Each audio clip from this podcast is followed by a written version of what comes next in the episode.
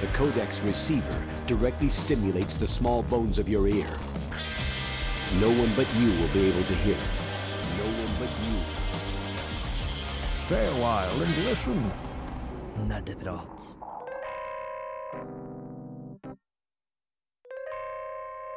Hjertelig velkommen til Nerdeprat episode 22! I dag så Ja, hvis dette er første gang du hører på oss, så kan det kanskje være lurt å fortelle hva du hører på. Dette er spillmagasinet til Radio Revolt. Vi prøver å underholde deg og informere deg om dataspill og eh, ting generelt i nerdeverden. Og det har vi egentlig gjort i eh, ti år. Først under navnet Control, Control Alt Delete. Ja, vi, Men- har, vi har vel ikke vært med i ti år, vi, Torben? Nei, jeg gikk i fjerde klasse da Control Alt Delete ble startet. Ja. Og, men eh, vi har holdt på i ti år. Radio Revolt har holdt på i 30 år. Og noe annet som har feiret 30-årsjubileum nå i det siste, er Super Mario. Jeg har den her. Fordi Jeg skal slutte å synge på radio. I dag så skal vi feire 30-årsjubileet til Super Mario. Og det skal vi gjøre ved å snakke masse om Super Mario. Vi skal snakke om de forskjellige spillene i Super Mario-serien. Vi skal dis diskutere litt Super Mario.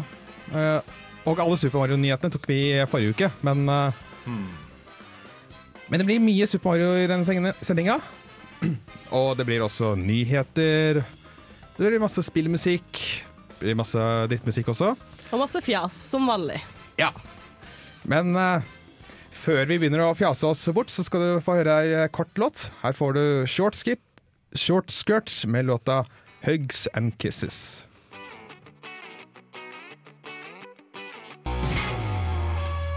Der fikk du Hugs and Kisses fra bandet Short Skirts.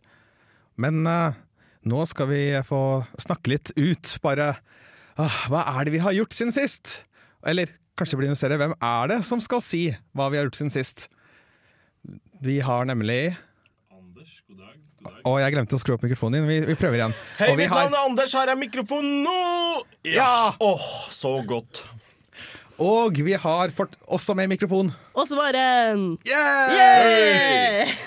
Og jeg lurer på, hva er det dere har gjort siden sist?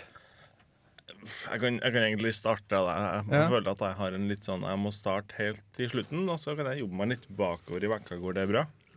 Gjør, gjør det akkurat sånn som det passer for deg. OK, poenget her er at uh, for 20 minutter siden så lå jeg og sov. jeg.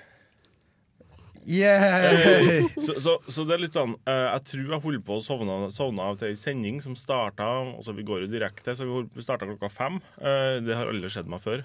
Men det, er bare, det er bare med å illustrere hvordan vekka mi har vært. Jeg har sittet med eksamen hele uka.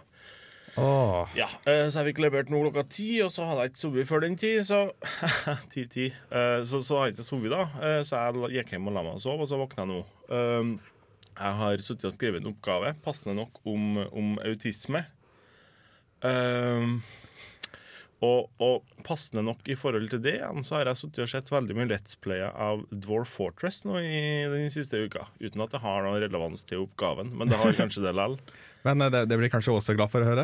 Ja! Det, det er mye som ja men jeg er faktisk stolt av at jeg fikk deg til å bli interessert i uh, Dwarf Fortress. For det er en ganske høy sånn terskel for å, for å like det, da. Jeg personlig skjemmes veldig over det her. Gjør jeg. Du, du, du er du er ikke helt klar for å like Dwarf Fortress? Nei, altså, jeg føler at det er litt sånn stigma til å si at man spiller Dwarf Fortress. Liksom, å, å, ja, du er en sånn nerd? Ja, men, å ja, men da er du sikkert god i det og det og det og det. Og alt det der om, dreier seg om fysikk og sånn, som jeg ikke kan noe som helst om. Så, så jeg, jeg snakker ikke så veldig høyt om dette. Jeg prøver å unngå å snakke så mye om det. Der, der, derfor er det veldig fint at du tar det opp på Nerdeprat på Radio Revolt. Ja, for da kommer disclaimer i tillegg. Jeg kan ikke fysikk. Jeg har ikke hatt matematikk på elleve år. Ja, takk, takk for det. Um, så har jeg spilt Mario Maker. Ja! Ja. Fordi det, det prata vi om i 20 minutter i forrige sending. Det gjorde vi. Uh, jeg må si at Den siste levelen du har laga, Torben, er det verste jeg har vært borti i hele mitt liv. Hæ? Det er Yoshi Yoshi Ja. Hva er det for noe? Hvor, Yoshi, hvor du skal finne Yoshi, så skal du kjempe med Yoshi. Ja. Mulig at jeg prøvde å gjøre det litt mer avansert enn det egentlig var. For, men jeg, jeg syns bare at jeg holdt på å gå armen bort hele tida, og så plutselig så dør jeg. Hmm. Skitspill. Ja, jeg er ikke så god level-designer ennå, Så jeg altså. har ikke gitt inn en stjerne, for å si det sånn. Oh. Men uh, har du gitt noen stjerner, uh, Åse Maren? Uh, Nei. stjerna, stjerna. Hva, hva, er det, hva er det du har gjort den siste uka, da? Uh, siste uka så har jeg hatt uh, lite Eller ja, jeg har ikke hatt internettilgang før eh, tre dager siden, og da fikk jeg lånt det av naboen. Har en fyr for Kanal Digital kom i dag etter at jeg tilbrakt hele forrige mandag, altså i forrige uke, med å prøve å få tak i dem og få dem til å komme. Eh, så det tok en stund. Nå har jeg internett. Greia er, for når jeg ikke har internett, så har jeg spilt veldig mye Tomb Raider. Så mye at når jeg sjekka sist, så hadde jeg 58 timer. Så bytta jeg til online mode, da. Og da ser jeg Nei da, Steam syns at jeg har spilt i 30 minutter, plutselig. Er det sånn at du har spilt det så mye nå at du bare kaller henne for Lara? At du er på I- fornavn med Ja. altså, jeg føler at vi har vært gjennom veldig mye i lag. Men det verste, altså det som sitter igjen, for det er et veldig artig spill, og det har et sånn parkour-element på en måte som gjør at eh, jeg trenger Jeg har på en måte lengta litt etter Assassin's Creed, men nå gjør jeg ikke det lenger, for jeg har fylt ut det tomrommet med Tomb Raider. Men greia med Tomb Raider, og dette er noe som jeg syns er litt skummelt, fordi hver gang du på en måte For det er masse sånne quick eh, sånn der du liksom å trykke på noen knapper for å få deg løs. Eller sånt Og da har det sittet på Square Enix og liksom animert og voiceovera mange Jeg tror jeg, jeg vet ikke om det er sånn 30-40 sånn dødsscenarioer for Lara Croft. Det er liksom ei sånn ti sekunder der hun bare vrigler på et eller annet greie, eller annet greie som liksom har gått gjennom magen hennes og bare dør sakte. sant? Og da føler jeg mm. Vet du hva, jeg vet ikke om dette spillet er så veldig Det er kanskje ikke ei feministisk perle. Men er det, er det en egen jobb, tror dere? Å bare animere dødsscener, siden det er så mange av dem? Det må jo være det. Jeg kunne tenkt meg å ha hatt den jobben. Det er litt, litt. Nei, hva faen, Anders? Men eh, apropos Tomb Raider. eh, Jeg synes det, er veldig, det jeg har lagt mest merke til i den serien der, og det er det som har ødelagt serien for meg, det er på en måte at du går inn i sånne gamle tempel og sånn, og så finner du oppgraderinger til våpenet ditt. Mm. Skurrer ikke det til deg i det hele tatt? Nei. Å, jeg gikk inn i et hemmelig tempel ingen har vært i i 500 000 år. Og så fant jeg en ny pistol.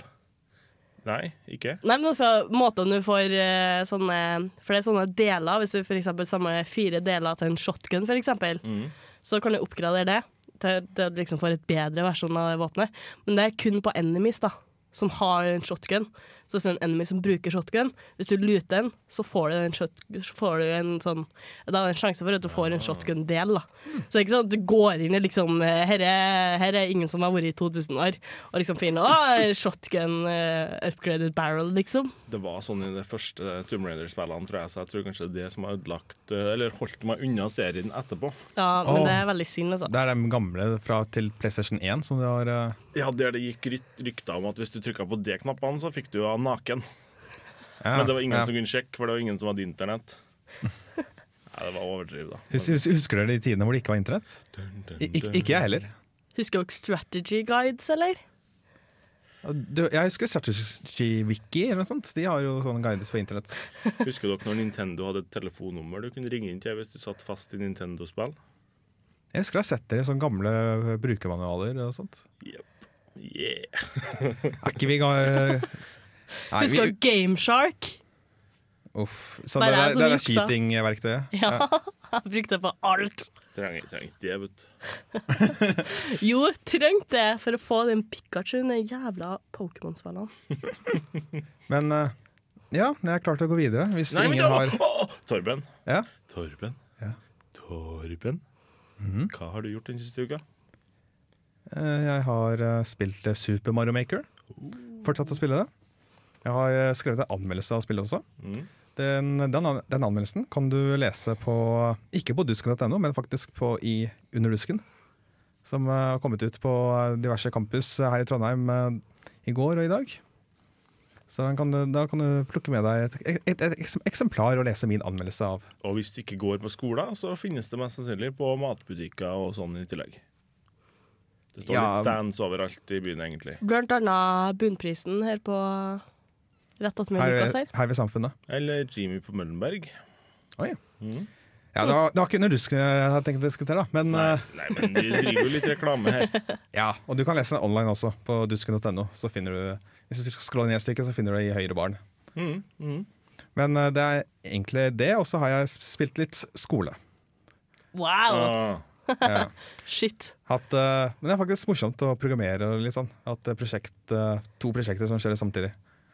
Det det, det er litt slitsomt.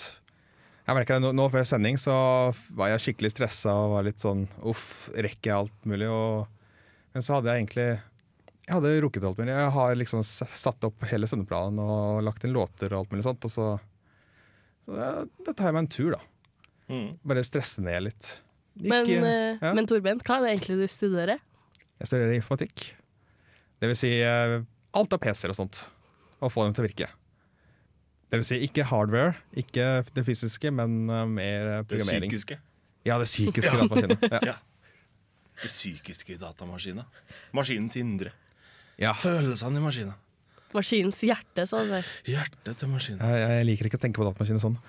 Men uh, vi skal nå eh, gå videre, fordi nå har vi diskutert nok av uh, fortida. Nå skal vi diskutere litt av enda mer av fortida, i den forstand at vi skal ha nyheter. Men eh, før den tid så skal du få Mio Love med låta 'Summer'.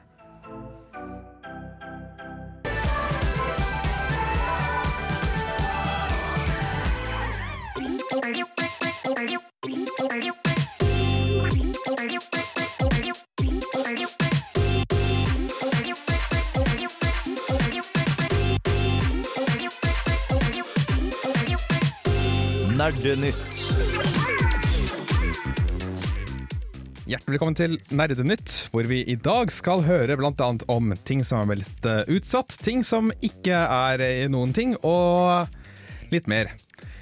Men eh, ja, det er jeg som er nyhetsankeret deres i dag. Jeg er både programleder og tekniker og nyhetsanker, men jeg håper det går greit for folk. Hvorfor er ikke dere Der! Sånn. Jeg tok opp feil Han er ikke bare en mann, han er en maskin òg. Triple threat! Yeah! Jeg beklager at jeg tuller litt med mikrofonen her. Det, sånn går det når jeg skal gjøre tre ting samtidig. Oh, triple threat. Første nyhet. Hitman lanseres ikke 8. desember. Jeg vet ikke om jeg kunne høre det, men det var eh, Bård Ræstad som eh, hylte høyt i fortvilelse borti Hamar. Ja, jeg syns jeg fikk det litt på hø- høyreøret her, som Ja. vendt mot Hamar. Men, men hvorfor utsetter han det egentlig? Jo, det er fordi at de eh, har gått for litt sånn eh, Har litt høye ambisjoner, så de har gått for en litt sånn eh, rar modell. Hvor de skal ha mye content som blir lagt til spillet etter release. Jeg skulle til å komme med en vits. Jeg skulle være litt sånn Har de vanskelige, vanskeligheter med å animere hår, f.eks.? Mm. Uh, har for mange kvinner i spillet, rett og slett, som har måttet animeres. nei, men OK, de, de, de er på den, ja. Ja, så de må rett og slett bare ha litt mer tid til å produsere innhold til spillet. Men det der er vel egentlig ikke en overraskelse i det hele tatt når det er snakk om sånne store titler noen gang, er det? Nei. Utsettelser, mener jeg. Nei, men det er litt mer overraskende med, med sånne store titler enn det er på, en- på en måte sånn kickstarter-spill, på en måte. Kickstarter-spill blir jo aldri ferdig uansett. Altså Ja, Oh. eh, No Man's Sky. Ja greit. Men altså, her har vi, nå, nå begynner vi, Når vi begynner å trekke fram unntakene som bekrefter regelen, som eksempel på at regelen ikke stemmer, da er vi da er vi allerede en sånn Å, herregud. Jeg, jeg, jeg er for trøtt til å komme med noe stygt å si til deg nå, Åse Maren. Beklager. Det, det går fint. Ko kognitiv dissonans, det var det jeg skulle fram til. Hitband, kognitiv dissonans, der har vi det. Ja. Star Fox lanseres ikke 20. november. Det er nemlig utsatt til første kvartal 2016. Enda en utsettelse. Ja. Og offisielle grunnen er at de skal fikse kontrollsystemet. Rett og slett at eh, det var litt for, for, for altfor forvirrende for folk. Ja, for, for, for, for, for, for, det for, for, var en forvirrende setning, bare så det er sagt. Ja. Mens, men jeg kan jo, man kan jo spekulere i at de kanskje utsatte for at uh, ikke Star Fox skulle lanseres samme dagen som Star Wars Battlefront. Jeg tror kanskje det er en litt mer uh, sannsynlig grunn. Altså, Ja, men jeg, jeg, jeg. Ja, vi, vi er ikke helt ferdig med den. ennå. Altså, jeg vil påstå at, jeg vil påstå at uh, når, så, langt, altså, så langt stjerna går, så er krig tøffere enn ræva. nei, men det er jo, jeg det er jo krig Star i Star Wars, Fox. Star Fox. Nei, jeg kan ikke referansen. Jeg tar ikke referansen, dessverre. Nei, men så jeg tenker det at For det var jo et, et eller annet annet spill som nylig kom ut som var, kjempe, som var et kjempesuksess. Som kom ut samme dato som et annet stort spill. Det var Mad Max Ja. og um, eh, Og ja. Metal Gear Solid 5. Ja, ja det var det, vet du. Og da tenker jeg bare sånn Hvis de hadde, hatt Hvis de hadde trodd på Star Fox, så hadde de sluppet samme dagen. Men det var jo det eneste to titlene som ble uh, sluppet på sånn 14 dager innafor det tidsrommet der. sånn. Mm. Det kom ikke ut et eneste uh, Skal vi se, Metal Gear Når var det? Var det 4. 3. 2. september? var det? Andre. Ja, Samtidig som Mad Max. Og jeg, jeg mener ganske bestemt at det kom ikke ut nå nye spill før rundt den 9.-10. september igjen. Så da har du jo plenty med tid til å spille litt av begge delene, tenker jeg. Fallout 4 kommer. Ja, når er det? Er det samtidig som Star Fox? Nei, det er det ikke. Det, Det, er- det, det, er om håper jeg ikke. akkurat, det er om akkurat 50 dager i dag, tror jeg faktisk. Ja. Ja. Så blir det gjort i november en gang, da. Ja. Det også. Krillbite har eh, skrevet på bloggen sin De dropper virtual reality-versjon av Among the Sleep. Jaha, hva, hvorfor gjør de det? Jo, fordi at eh, de har lenge hatt eh, prøvd å lage en sånn versjon av spillet. Mm. Men jeg har funnet ut at uh, hvis For at virtual reality skal funke, så må du på en måte Da har du spilleren i dette virtuelle rommet. Mm. Da kan ikke du drive og ha kamera som vingler litt, eller noe sånt. Og det er det de har som et veldig, eh, veldig mye brukt virkemiddel i Among the Sleep. For der spiller du som en baby, Mm. liten unge. Og eh, iblant så vil du falle selv om Du trykker ikke på noen falleknapp, men du bare faller fordi det går. Fordi det er det babyer gjør. Mm. Du uh, vingler, vingler til side til, side, og du eh, Og det er rett og slett sånne ting som ikke funker i VR.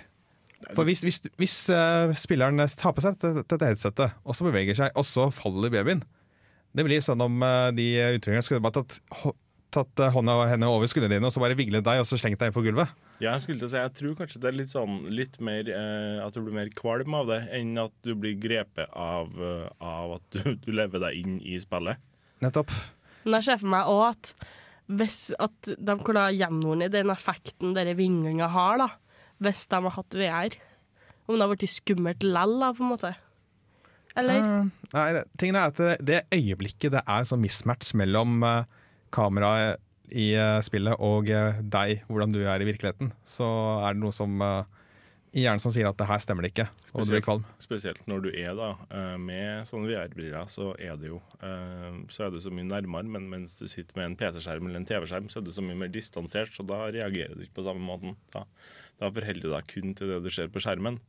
Men mens du holder på med VR, så forventer du en kroppslig reaksjon på det du, det du ser. Så jeg er veldig enig med Krillbite. Mm. Dog benekter at de jobber med Last of Us 2. Eller More of Us, som de kanskje skulle ha kalt det. De eh, jobber riktignok De jobbet på en liten prototype rett etter at vi var ferdig med Last of Us 1, har inntrykk av. Mm. For å teste ut ideer og sånn. Hva, hva er det vi skal gjøre nå? Men eh, så gikk de over til å jobbe på Uncharted 4. Og det var da Det de sier nå, er at ikke, de jobber ikke med Last of Us 2 akkurat nå. Selv om det er ikke en umulighet fram i tid. Men Uncharted 4 var jo det spillet som òg ble utsatt. Hmm. Nei, når, I dag, tenker du? Nei, Nei. Det, det skal komme ut i februar. Nei, hvordan Ah. var det? Det var en dato. Uh, det var den 63. dagen i, i, i 2016 eller noe sånt. Ja, noe sånt. Andreas huska i hvert fall at det var en ukrainsk sjakkspiller som var født på samme dag. Ja, stemmer det. 4. mars var det. Andreas, altså. Ja. Jeg tror Andreas eh, skulle gjerne ha tatt nyhetene for meg eh, hvis han ikke hadde vært syk. Det er litt det som eh, er greia. Det er sykdom i alle kanter nå. Alle kriker og kroker. Ja. Vi kan virke som superhelter når vi er på lufta, men innerst inne så er vi bare helt vanlige mennesker som òg kan bli tatt over av influensa og, og lignende symptomer. ja, sykdommer. Og liksom grunnen til Last of Us 2 eh, eh, ryktene kom opp, var at eh, Nolan North, som har stemmen til jeg vet ikke hvem, men han har stemmen til alle i dataspill, egentlig. Han, eh, han sa litt sånn at ja, han har vært, nettopp vært på innspilling med Last of Us 2, liksom. Men eh, da, de, de som er regissøren bak eh, Last of Us, sier at eh, det er sannsynligvis prototypen han tenker på. Han vet ikke hva han jobber med engang. Nei, rart. Ja, men kanskje det var litt samme som med Fallout, at det liksom har tatt flere år å spille inn. Mm. Mm. Og så vil jeg bare nevne at Noel Nolan North har faktisk vært i Norge nå nylig. Så de eh, to podkastene som er litt mer heldige enn oss, Radcrew og uh, Spillmatic, har uh, fått uh, intervju med han, tror jeg. Shit. Ja, tøft. Og så har jeg to nyheter til. Gi dem til oss, Torben. Ja. Har du, hvor mye er den villig til å betale for uh, første nyheten? Jeg har litt lyst til å si, kan jeg si? Ja. Over 9000! Ja. Nei, det fikk ikke helt jeg fikk. Nei, men uh, den første nyheten her, eller ikke første nyhet, men første av to siste nyheter, er at Konami har annonsert Horse Armor DLC til Metal Gear Solid 5 The Phantom Pain! Og i det øyeblikket så alle Oblivion-fans opp i lufta og ropt Nei, ikke igjen! Det høres òg ut som eh, ganske mange andre folk sin reaksjon, jeg har tolka det. Nei, altså, jeg, jeg, jeg, jeg ser ikke helt problematikken. Altså, det er jo teit med DLC som oftest. Altså, det vil si ekstra ting som du kjøper til spillet etter at du har kjøpt spillet eller lasta spillet. Men, men sånn som det, det er eh, Nå har ikke jeg lest meg opp om den DLC-en, jeg har bare sett Nei. bilder, og hesten blir jo helt klart og tydelig finere av det. Men eh, den får jo litt sånn rustning og sånn. Eh, noe som da ligger i Horse Armor-navnet. Ja, Men har det noe praktisk betydning? Det vet jeg ikke. Nei, det er vel kun kosmetisk. Det er kun kosmetisk, ja. Ja, altså, jeg, altså det, Her er jo hesten. Hesten er den minst spilte av sidekickene du har med deg i Metal Gear. Med, ja, greit, kanskje du vil ha en finere hest. Altså, den er ganske, ganske kjedelig. Den ser ut som at den er henta rett ut av en sånn spagetti-western-film. Noe det òg føles som at det er litt i starten av Metal Gear, når det er sagt. Men altså, det Nei, hvis du, hvis du, har, hvis du har eh, 80 kroner eller hva det er, og bare har lyst til å kjøpe deg en finere hest, datahest, så skal ikke jeg stoppe deg, men det er jo litt teit, da. Det er jo verste er at folk kommer til å kjøpe det her. Ja. Det er jo mm. blant annet Crusader Kings. Det kan jo liksom kjøpe drakter og symboler til hærene dine. Og det vises nesten ikke i spillet i hele tatt. Men det er tusenvis av folk som kjøper den dritten der. Jeg drev og tok en liten sånn um, eh, gjennomgang på hvor mye penger jeg har brukt på, på skins i League of Legends de siste fire årene. Altså bare utseendemessig. eh, Kun utseendemessig. Det er ingenting her du, som gir deg noe advantage i det hele tatt i spillet. Jeg tror jeg faktisk at jeg hadde kasta bort en 280 euro. Euro! ja. Cirka. Nå skal det sies at eurokursen var lavere. Ja, Ja. ok. Så det er kanskje ikke 2008, men 2500 kroner. Uh, League of Legends. Sånn går det når du har penger. Kremt. Vi går videre, vi. Fordi adblockers er litt i vinden. Dette var en liten notis, da. Med tanke på iOS 9-oppdatering så har Apple gjort det mulig for folk å lage utvidelser som blokkerer eh, reklame i din eh, iPhone, i din Safari-nettleser. Dette er jo veldig kontroversielt. Det med at adblockers plutselig nå skal være på telefon. Men jeg skjønner jo veldig godt at det har skjedd.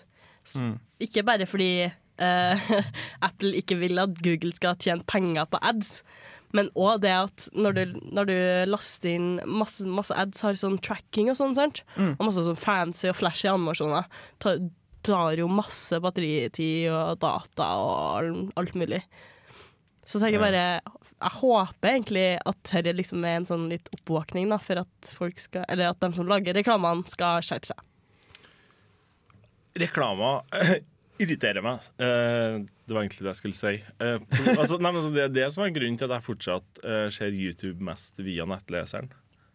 Er at, at det finnes egentlig ikke altså Både på Chromecast og Nintendo Wii eh, og på mobiltelefonen min, og på nettbrettet mitt, og på min Kindle, og på min brevdue som er kobla opp mot internett, så kommer det bestandig, det kommer bestandig ads.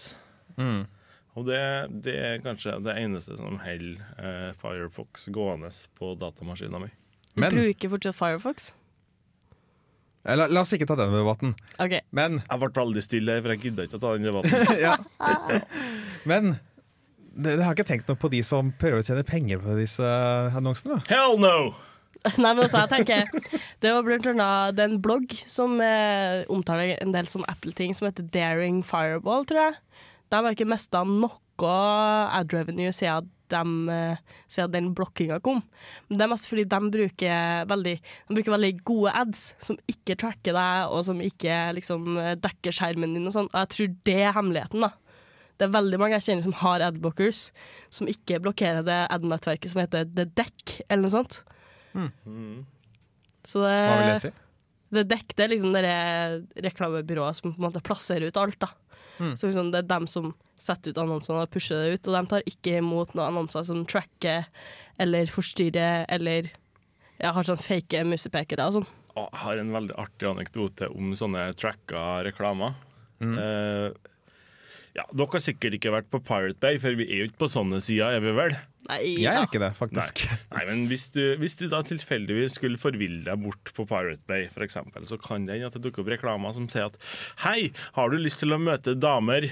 Uh, eh, villige damer, altså på en lokasjon som er ganske nært deg, ut ifra hvor du, IP-en din viser at du er kobla opp. Ja. Jeg vet med sikkerhet at det er i hvert fall ei avis i Norge Ja. som har jobba lenge med en sak. Fordi de var overbevist om at det fantes et bordell ganske nært eh, der de satt på jobb.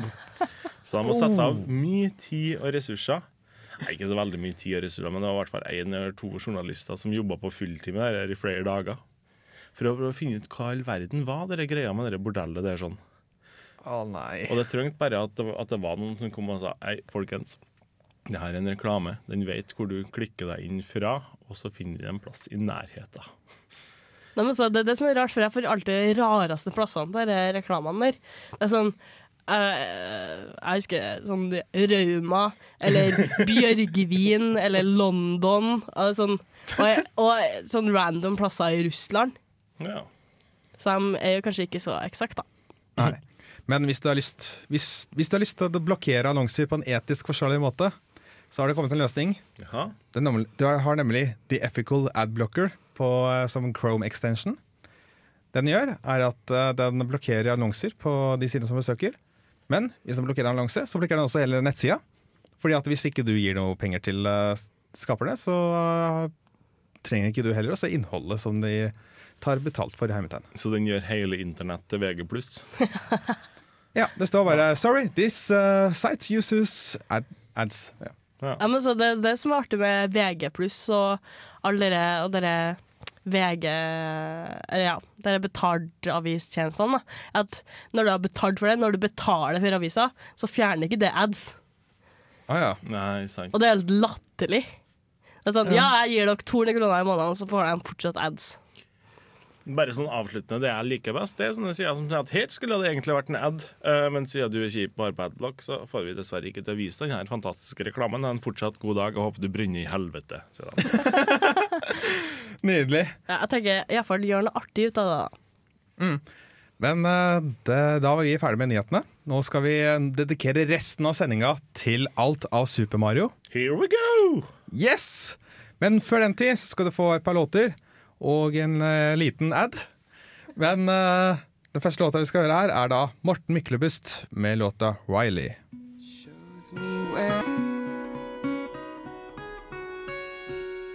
Du hører på Radio Revolt, studentradioen i Trondheim. Jeg har hørt mange som har tatt sånn eh, fuglekikking og Jeg har tatt bl.a. ledelsespraksis og litt helsepsykologi. Fylt på med litt eh, her og der. For du kan kanskje ikke ta medisin for ikke-medisiner? Nei, det kan jeg ikke. For du er faktisk en medisiner. Ja, ja. For jeg har på en måte også tatt eh, medisin for ikke-medisinere. Jeg fikk ikke noe studiepoeng, da. Det var Nei. sånn eh, seks dagers eh, sjamankurs. Hei, jeg heter Gjertrud, og jeg er ukesjef. Eh, I dag har jeg vært eh, på ukesenderen, og det har vært kjempegøy. Dere burde absolutt høre på dem. Og ukesenderen hører du hver søndag hele oktober.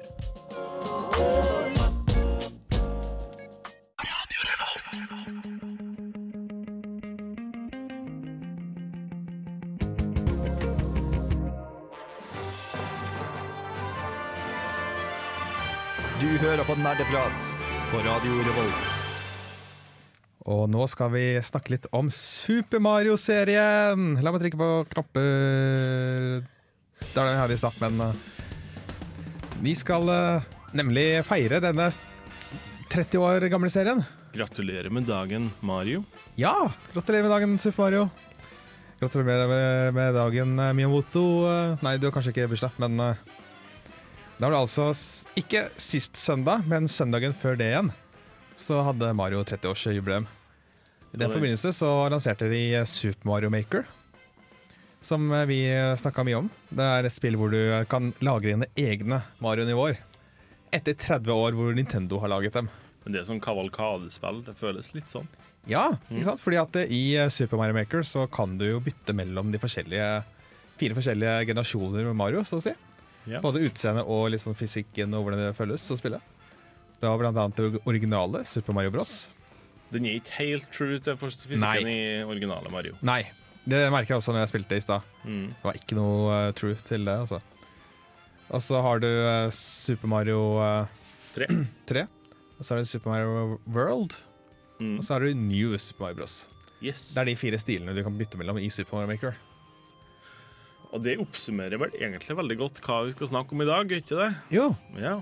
Vi skal eh, Etter hvert nå så tenkte jeg vi kan ta litt sånn historisk gjennomgang av spillene. Sånn ett spill for ett om gangen. Mm. Snakke litt om eh, hva spillet var, hva det har brakt, brakte til serien. Så kanskje spille litt musikk fra spillet også. Men aller først så lurer jeg på litt på eh, oss i studio. Mm. Hva slags forhold er det vi har til Super Mario? Kan kanskje starte med han som har tatovering av eh, Super Mario-soppen på på, i armen. På armen. den dusten? OK, greit. Ja, jeg har det. Eh, Jeg har en Super Mario-sopp på handa. Eh, Og det er vel egentlig bare med å underbygge litt hvordan jeg føler det med Mario, da. Um, vi kjøpte oss jo en Nintendo, en 8-bits Nes, uh, når jeg var sånn tre-fire år gammel. Og jeg husker veldig godt at jeg ble sendt til sengs mye tidligere, rett etter jeg kjøpte Nintendoen, enn rett før jeg kjøpte Nintendoen. Og det var pga. at mamma og pappa ville gjerne sitte opp og spille i stedet for at jeg skulle spille. Old. Ja. Så, så, så um, ja. Um, det, gjorde, det var jo på en måte greit. De ble jo ganske flinke, de òg, så kunne vi spille sammen og sånn. Mm. Men, men uh, det gjorde jo at jeg har egentlig bare holdt det gående. Da. Så har jeg hatt en liten sånn pause i perioden fra um, Nintendo 64 og fram til Wii Å ja. Jeg har egentlig bare ignorert Nintendo, nesten. Hva, hva er det som har skjedd der? Nei, altså, det kom jo en sånn Først så var det jo Nintendo 64, og da Da tror jeg kanskje jeg gikk på ungdomsskolen, skråstrek videregående. Ah, det, var, på den tida det var begynt å bli ukult å spille Nintendo. Nja, det var vel Jo, Eller? eller, Nei, det var vel ikke helt sånn. Jeg fortsatt, syns fortsatt Nintendo 64 var kult, og sånn, men jeg Mm. hadde ikke helt den interessen eller kapitalen til å bare kaste meg sjøl mot nye konsoller hele tida. Fordi Spesielt Nintendo 64 så beholdt de den kassetten. Mm, Mens eh, PlayStation så hadde du sånn CD-er. CD var billig og sånt. GameCube, mener du? Ja. Ja, GameCube også. Ja. Når Nintendo lagde GameCube, så gikk det over til CD, men PlayStation, som var konkurrenten til Mm. Nintendo 64, de hadde CD-er som var mye billigere å kjøpe. Nintendo sine kassetter de kunne koste opp mot 900 kroner. Ja, men jeg kjenner meg sjøl eh, veldig godt, både da og nå. Eh, så CD er liksom ikke, ikke en sånn ting jeg klarer å ta veldig vare på over lengre tid. Nei.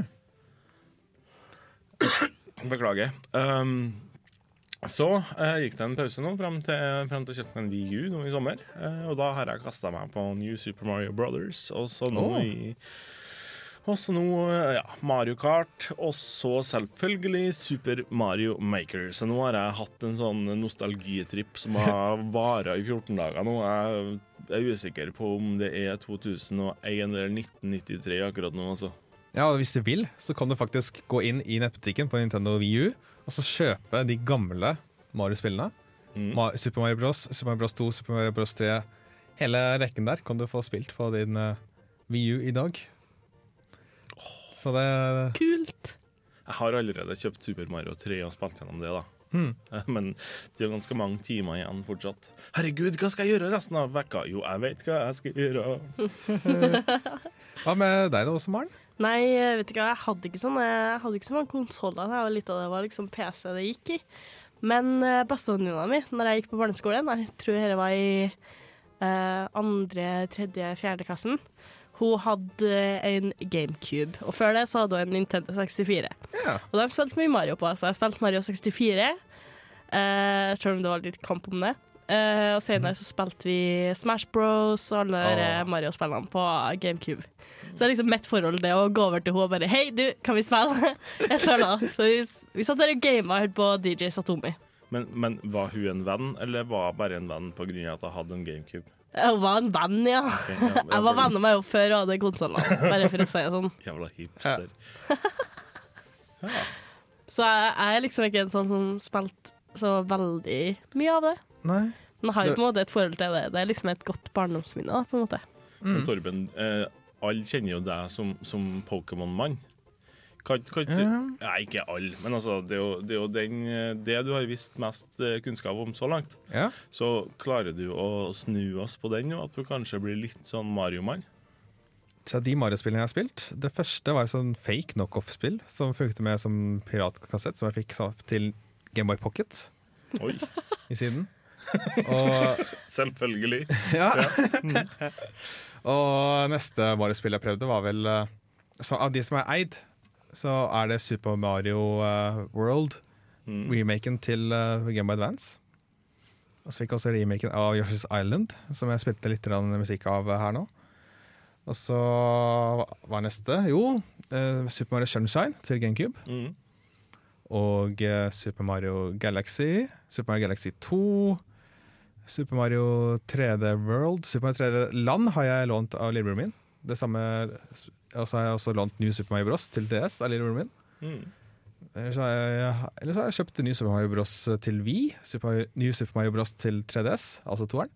Og så ikke kjøpt det til Wii U, for da følte jeg at New Super Mario Bros hadde begynt å bli litt tynt.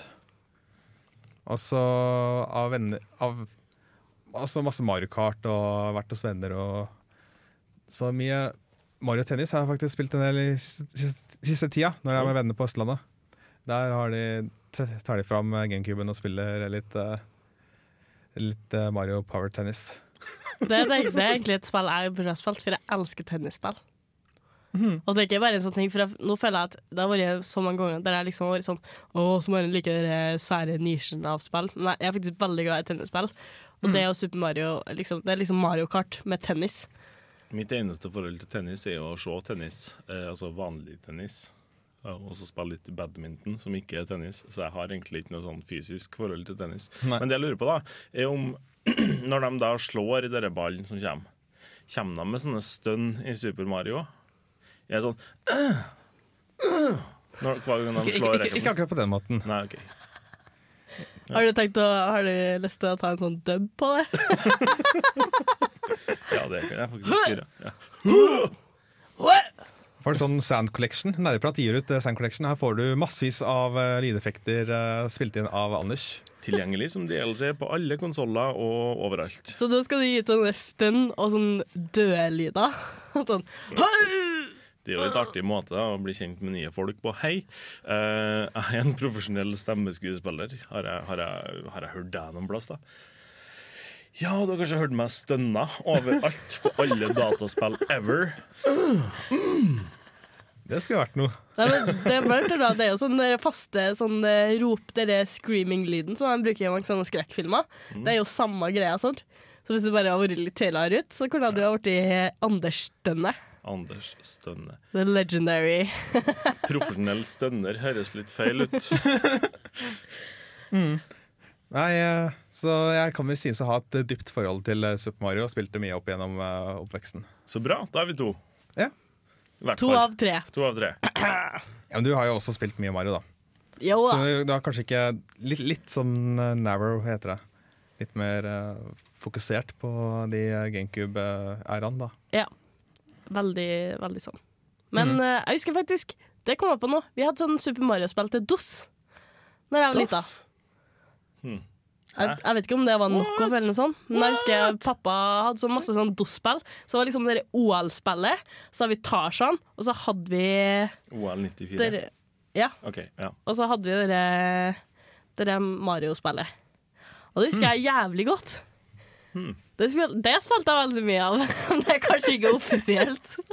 Det finnes veldig mange sånne Mario-spill, så hvis du bare søker på nettet, så finner du massevis der også. Ja.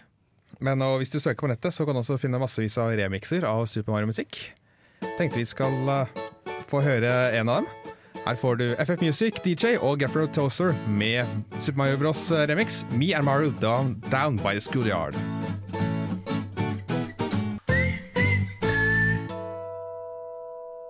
Ja, der fikk du en eh, fin liten eh, Super Mario-remix.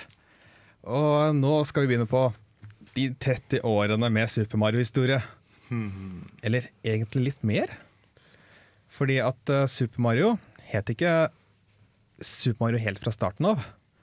Han eh, Jeg vet ikke om vi kan kalle han Super Mario, men eh, i Donkey Kong, det gamle arkadespillet til Nintendo, hvor du skal hoppe over tønner og sånt og redde Paulina fra Donkey Kong, som vi kanskje kjenner igjen fra, spillet, nei, fra filmen Pixels. Mhm. uh, ja. Uansett. Der, der het han Jumpman. Jævla Jumpman. Altså, han var jo Altså, jeg, jeg har en teori, da. Eh, jeg tror ikke Jumpman var Mario. Nei? Jeg tror det var Wario som har kledd seg ut. Det var veldig spesifikt. Ja. Jeg tror at Mario er en dyremishandler. Ja. Jeg tror at han har Altså, jeg vil ha en hashtag free Donkey Kong. Du tenker på uh, Donkey Kong Junior-spillet? Ja. Hvor du spiller som Donkey Kong Junior og skal uh, redde Donkey Kong fra Mario, som har tatt Donkey Kong til fange.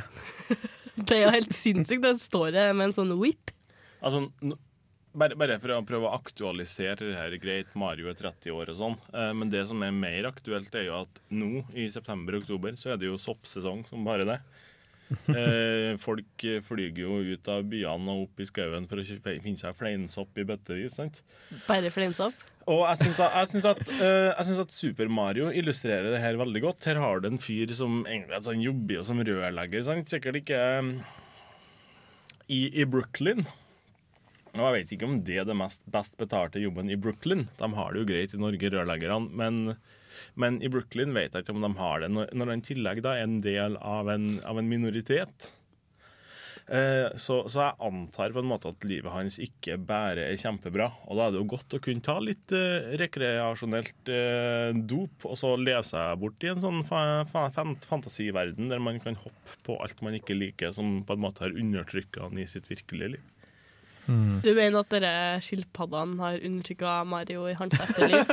Nei, jeg, jeg tror de Skilpaddene har inntatt Brooklyn. Ikke bokstavelig, jeg tror de er et symbol på det. Et symbol på hva? På, på Det hvite majoriteten. Ja. Hvite, rike menn. Cis white male. Ja. Altså, Zelda-timelinen er ganske fucka opp den offisielle, men uh, hvis du skal drive inn ting i Mario-serien og sånn, så lese en historie der hvor det ikke er noen historie, så blir det litt uh, rart. Jeg er ikke ferdig ennå. Nei, Hæ? men vi kan ta det senere. Ok, Ja. Uansett, det starta med arkadespill, som eh, Nintendo og Miyamoto designet. Dette, I dette Jumpman så het han Jumpman nettopp fordi han gjorde noe spesielt. Han kunne nemlig hoppe. Mhm. Og det var det ikke alle arkadespill som, eh, hvor du kunne. Det var, det var, det var liksom Han Miyamoto så på arkade og liksom Ja, du har disse, den joystick-type tingen som kan bruke for å bevege Mario Eller bevege karakteren til venstre og høyre. Men vi har også en knapp her. Den knappen kan vi bruke til å få Mario til å Eller for å få eh, Jumpman. Jumpman til å hoppe. Men het han Jumpman før de fant ut av den knappen? Nei. Det er uh, Det var sånn Jumpman ble født. Ja, Ja. nettopp. Miyamoto så en knapp. Ja. Og så han kunne få Mario til å Eller kunne få spilleren til å hoppe. Mm. Og det var på en måte det starten på hele eventyret. De prøvde ut eh, disse arkadene flere steder, og så etter hvert så lagde Nintendo sin egen konsoll. Og på denne konsollen så kom det et spill som het Super Mario Bros. Men usikker, burde jeg gå på Wikipedia og lese meg opp litt. Fordi at eh, du hadde jo også Mario Bros. Da det ikke var supere. Det er to, da. Men var det ikke Mario Bros til NES og Super Mario Bros til Super NES? Nei, nei, nei. Det heter Super Mario Brothers uh, til NES. Hm. Eller Bros. Bros. Brothers. Ja, fordi du har Arkadespill som heter Super Mario Eller som ikke heter Super Mario Bros, men som heter Mario Bros. Og det er uh, Ja. An Marius andre opptreden står det på OK, nei, vi bryr oss ikke om det. Uh, uansett. Det var et det, eh, det skjedde før 1985, eller? 1983 i Ja, Japan. da, da, da, da teller det ikke. Han er ikke 32, han er faktisk 30. Inter interessant. Jeg trodde på en måte at uh, Du har sett dette kallespillet? Der skal du ha, kommer det som fiender fra toppen av sånne rør. Og så står Mario nederst, og så skal han hoppe på bakken, eller på en måte, slå bakken eh, nedenfra. Og så, for da vil fiendene som er oppå, de vil eh, da ha landet på ryggen, og da kan du sparke dem. Ja, det har jeg spilt. Det er, kjem, det, det er jo Det er jo òg i Super Mario 3, eh, hvis man spiller to player og begge to havner på samme brett.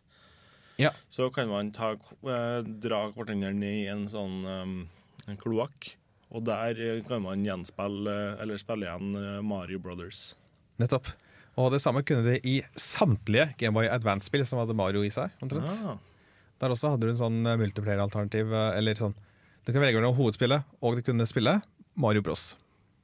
Og det er også en egen bane i uh, Super Smash uh, Bros. Brawl, tror jeg, mm. som vi skal dette. Men da kommer vi til uh, det store spillet, nemlig Super Mario Bros.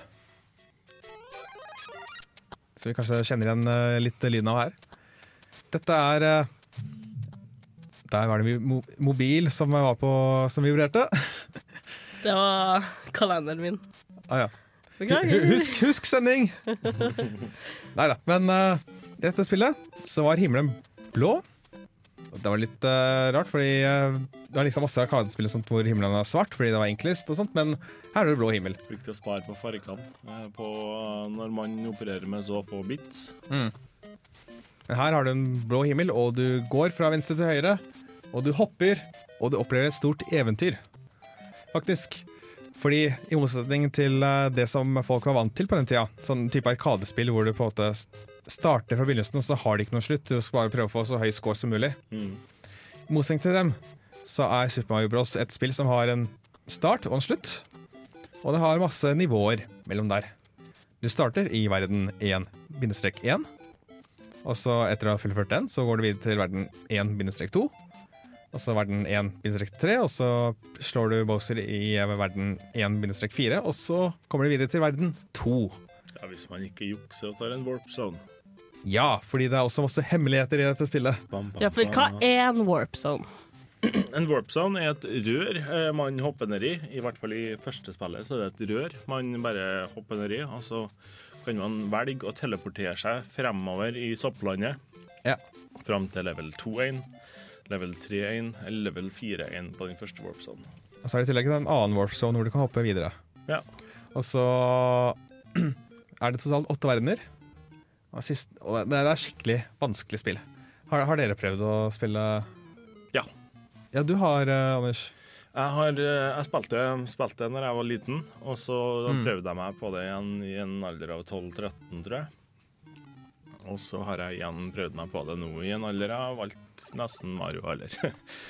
Eh, det er egentlig det vanskeligste Mario-spillet, syns jeg, da. Ja, definitivt. Jeg vet ikke om det er på grunn av at, jeg, at jeg, altså det første, første Mario-spillet som var på en måte sånn wow, eh, aktuelt i det, i det jeg begynte å spille, var jo Super Mario 3. Og det, Mm. som vi diskuterte litt tidligere i sendinga, så er det en helt annen fysikk der enn det er i Super Mario 1. Ja. Mye vanskeligere å få tak på fysikken i Super Mario Bros. 1, altså. Ja, det er det av at hoppinga føles ikke helt rett, på, Nei, for, å, for å si det på en vanskelig måte. det er veldig responsivt og sånt. Så det, jeg greier å spille gjennom spillet og sånt, hvis jeg bruker safe states på ja. Ja, men, men, men du kan på en måte Du kan hoppe til høyre opp i lufta, og så kan du snu i lufta og gå tilbake ned til venstre igjen. Uh, på en Mm. helt annen måte enn du kan i, i Super Mario 3. I tillegg så er det sånn at når du hopper på fiender, så i alle senere spill så kan du holde inn A, og da spretter du mye høyere. Mm. Men i Super Mario 1 så er det ikke sånn. Noe som gjør at Nei, du, du bare Det får en sånn liten hopp uansett. Jeg tror du kan hoppe på fiender, altså. Sprette. Du, nei, altså du får en sånn liten sprett, men du får Mm. ikke en sånn, sånn høgsprett som gjør at du kommer deg høyere enn et vanlig hopp. Nei. Så, så ja, nei. Eh, det er det vanskeligste spillet Definitivt. jeg har spilt. Nå har jeg ikke spilt Lost Levels. Nei, for da kan vi jo nesten gå litt videre. Det Super Mario Bros. The Lost Levels er det de i Japan kjenner som Super Mario Bros. 2. Oppfølgeren til Super Mario Bros. 1. Hvor de basically bare har uh, lagt til et spill på slutten av Super Mario Bros. 1. Uh, liksom det, vanskeligheten, vanskeligheten er veldig høy. Ja, det ikke, de har vel ikke introdusert noen nye elementer i det spillet? har de det? Jo, det er litt sånne elementer som eksempel vind. Ja, vind er med, stemmer. Og litt sånn. Men det er ikke noe eh, Altså, grafikken er jo helt likens. Ja. Så det er basically mer av det samme oppfølgeren for 30 år siden. Det, De, de, de fantes da også. Det føles litt som, som Altså, jeg har ikke spilt det, men jeg har sett en del videoer av folk som prøver seg på det. Og, og nå skal det være sagt da, at grunnen til at det heter Super Mario Bros. 2 i, i Japan, men ikke her, er på grunn av at de an, anslo at det her spillet her sånn er litt for, litt for vanskelig for, for sånne dårlige amerikanere og europeere. Så, så vi, vi slipper ikke det der. For da kommer ikke folk til å ha lyst til å spille Mario noe mer. Ever. Det de i stedet slapp, var eh, Super Mario Bros. 2, som vi kjenner det. Eller Super Mario Bros. USA, som du kjenner det som i Japan. Og det var da basically en uh, reskin av et spill de allerede hadde laget ferdig, nemlig Doku Doku Panic. Mm. Og eh, i det spillet er et litt sånn Litt sånn spesielt. Litt den rare ungen i Super Mario-familien. Den rødhåra steungen. Ja, di, di, dine ord, Anders. Dine ord. Ja.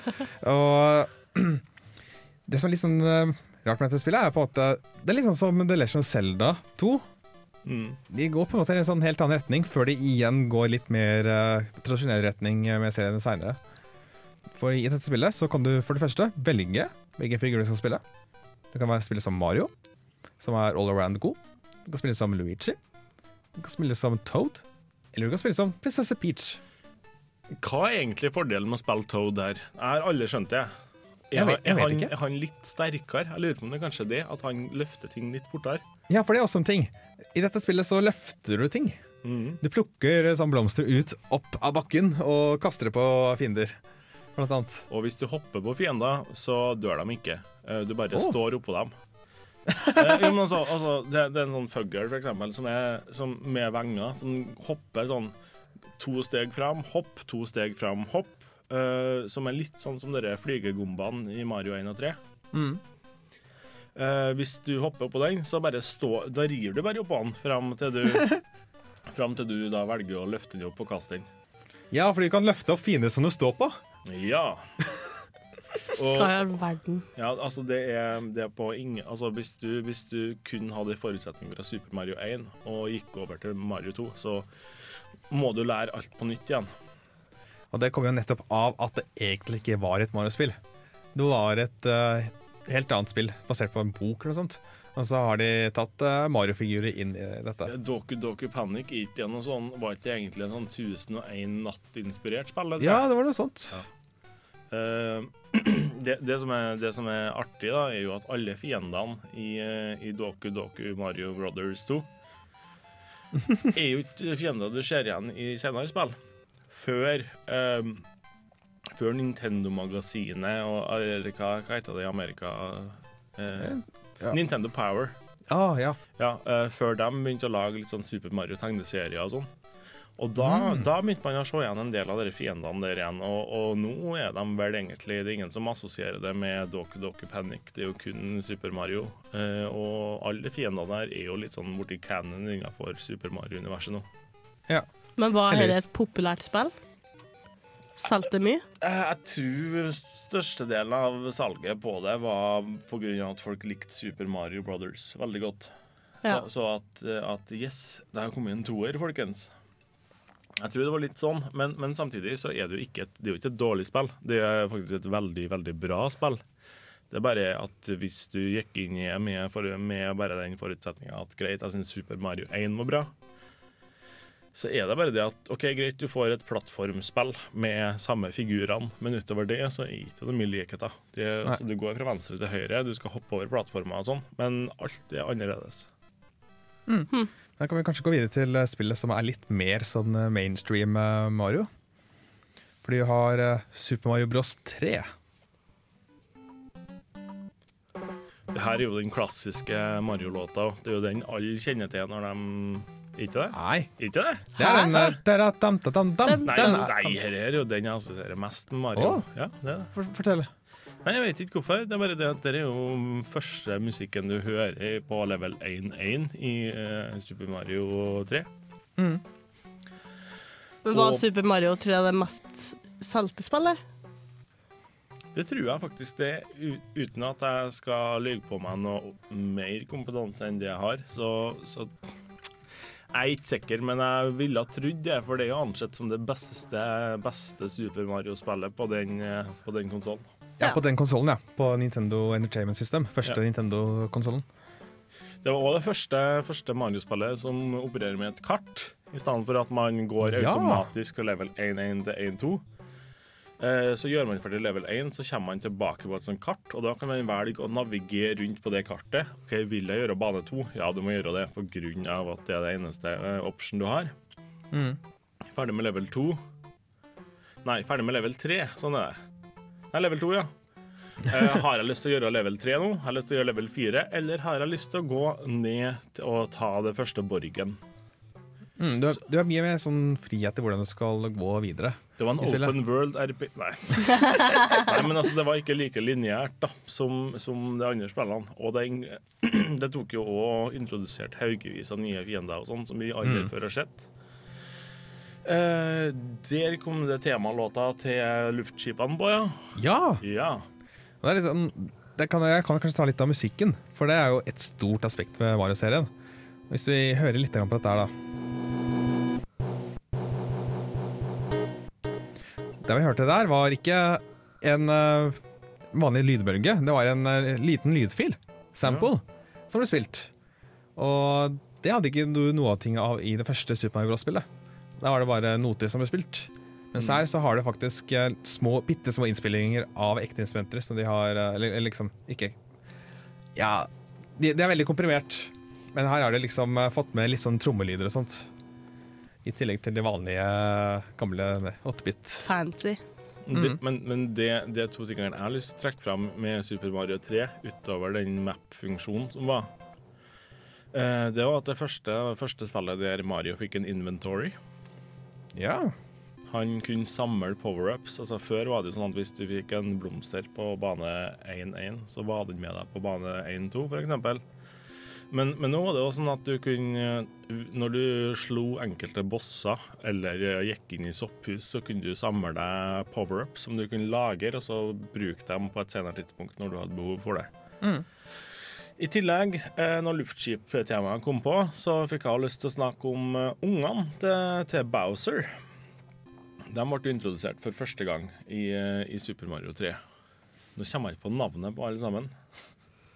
Jeg husker Nei, at, treng- jeg trenger husker at jenta heter Wendy. Den ene jenta. Ja. Klassisk. Han hadde ei jente og, og seks eh, gutter. Mm. Larry og Ludvig og Ludvig var han med blått hår, var ikke det? Sånn blå sånn Beethoven-sveis. ja, vi, vi, vi trenger ikke gå gjennom alle ungene til uh, det, det er strengt tatt ikke offisielt at det er ungene til Bowser heller. Det er Copa Kids, heter de. Som da insinuerer at de er ungene til Copa. Ja, men det er ikke offisielt, Nei. tror jeg. Eller? Nei, jeg. Åse snakka litt om dere der i stad i pausen. Hun sa at det er ikke bare ungene til Copa, det er òg ungene til Du kan få si det sjøl. Det er ungene til prinsesse Peach. OK, sier jeg da. Det syns jeg, det synes jeg er kontroversielt. Ja, men det, det har jeg tenkt, egentlig tenkt å mer- snakke mer om på GameCube-æraen, for det jo det da på en måte teorien fikk eh, litt fart. Men det jeg vil si, det er at altså, hva tror vi skjedde når prinsesse Peach endelig var frigjort fra sine lenker i slottet? Endelig fikk gjøre hva faen hun vil. Så jeg tenkte jeg sånn, ja ja, kan jeg kanskje utforske litt? Nei, Jeg, er ikke helt med på den her, altså. Ikke heller. Nei, det syns jeg er urimelig, ass. Men da har vi fått uh, vært innom Super Mario Bros. Super Mario Bros 2, Super Mario Bros 3 til uh, Nintendo Entertainment System. Og da er vi vel egentlig ferdig med den konsollen. Ja, så skal vi etter hvert gå videre til Super Nintendo. Men før vi gjør det, så skal vi høre en liten uh, remix av en låt fra Super Mario Bros 2.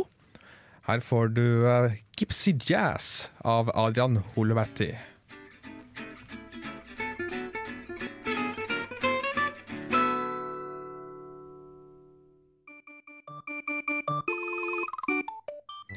Nå har vi kommet til eh, Super Nintendo. Og da er det et uh, stort spill som kom til den konsollen. Og det var da Super Mario World. Av mange så regnes Super Mario World som det beste Mario-spillet. Og uh, andre mener at det er Super Mario Bros 3 som er det beste Mario-spillet. Ja, stiller Så- i den kampen. Ja. Fordi du har ikke spilt Super Mario World. Nei, ikke så mye. Jeg, jeg har ikke sånn aktivt satt meg ned og spilt gjennom det. Eh, på samme måte som jeg har gjort med ena, toa og trea. Mm. På grunn av at jeg hadde aldri en Super Nintendo sjøl. Åh. Ja, litt, Det er så litt- trist. First world country problems og så videre. Og så videre.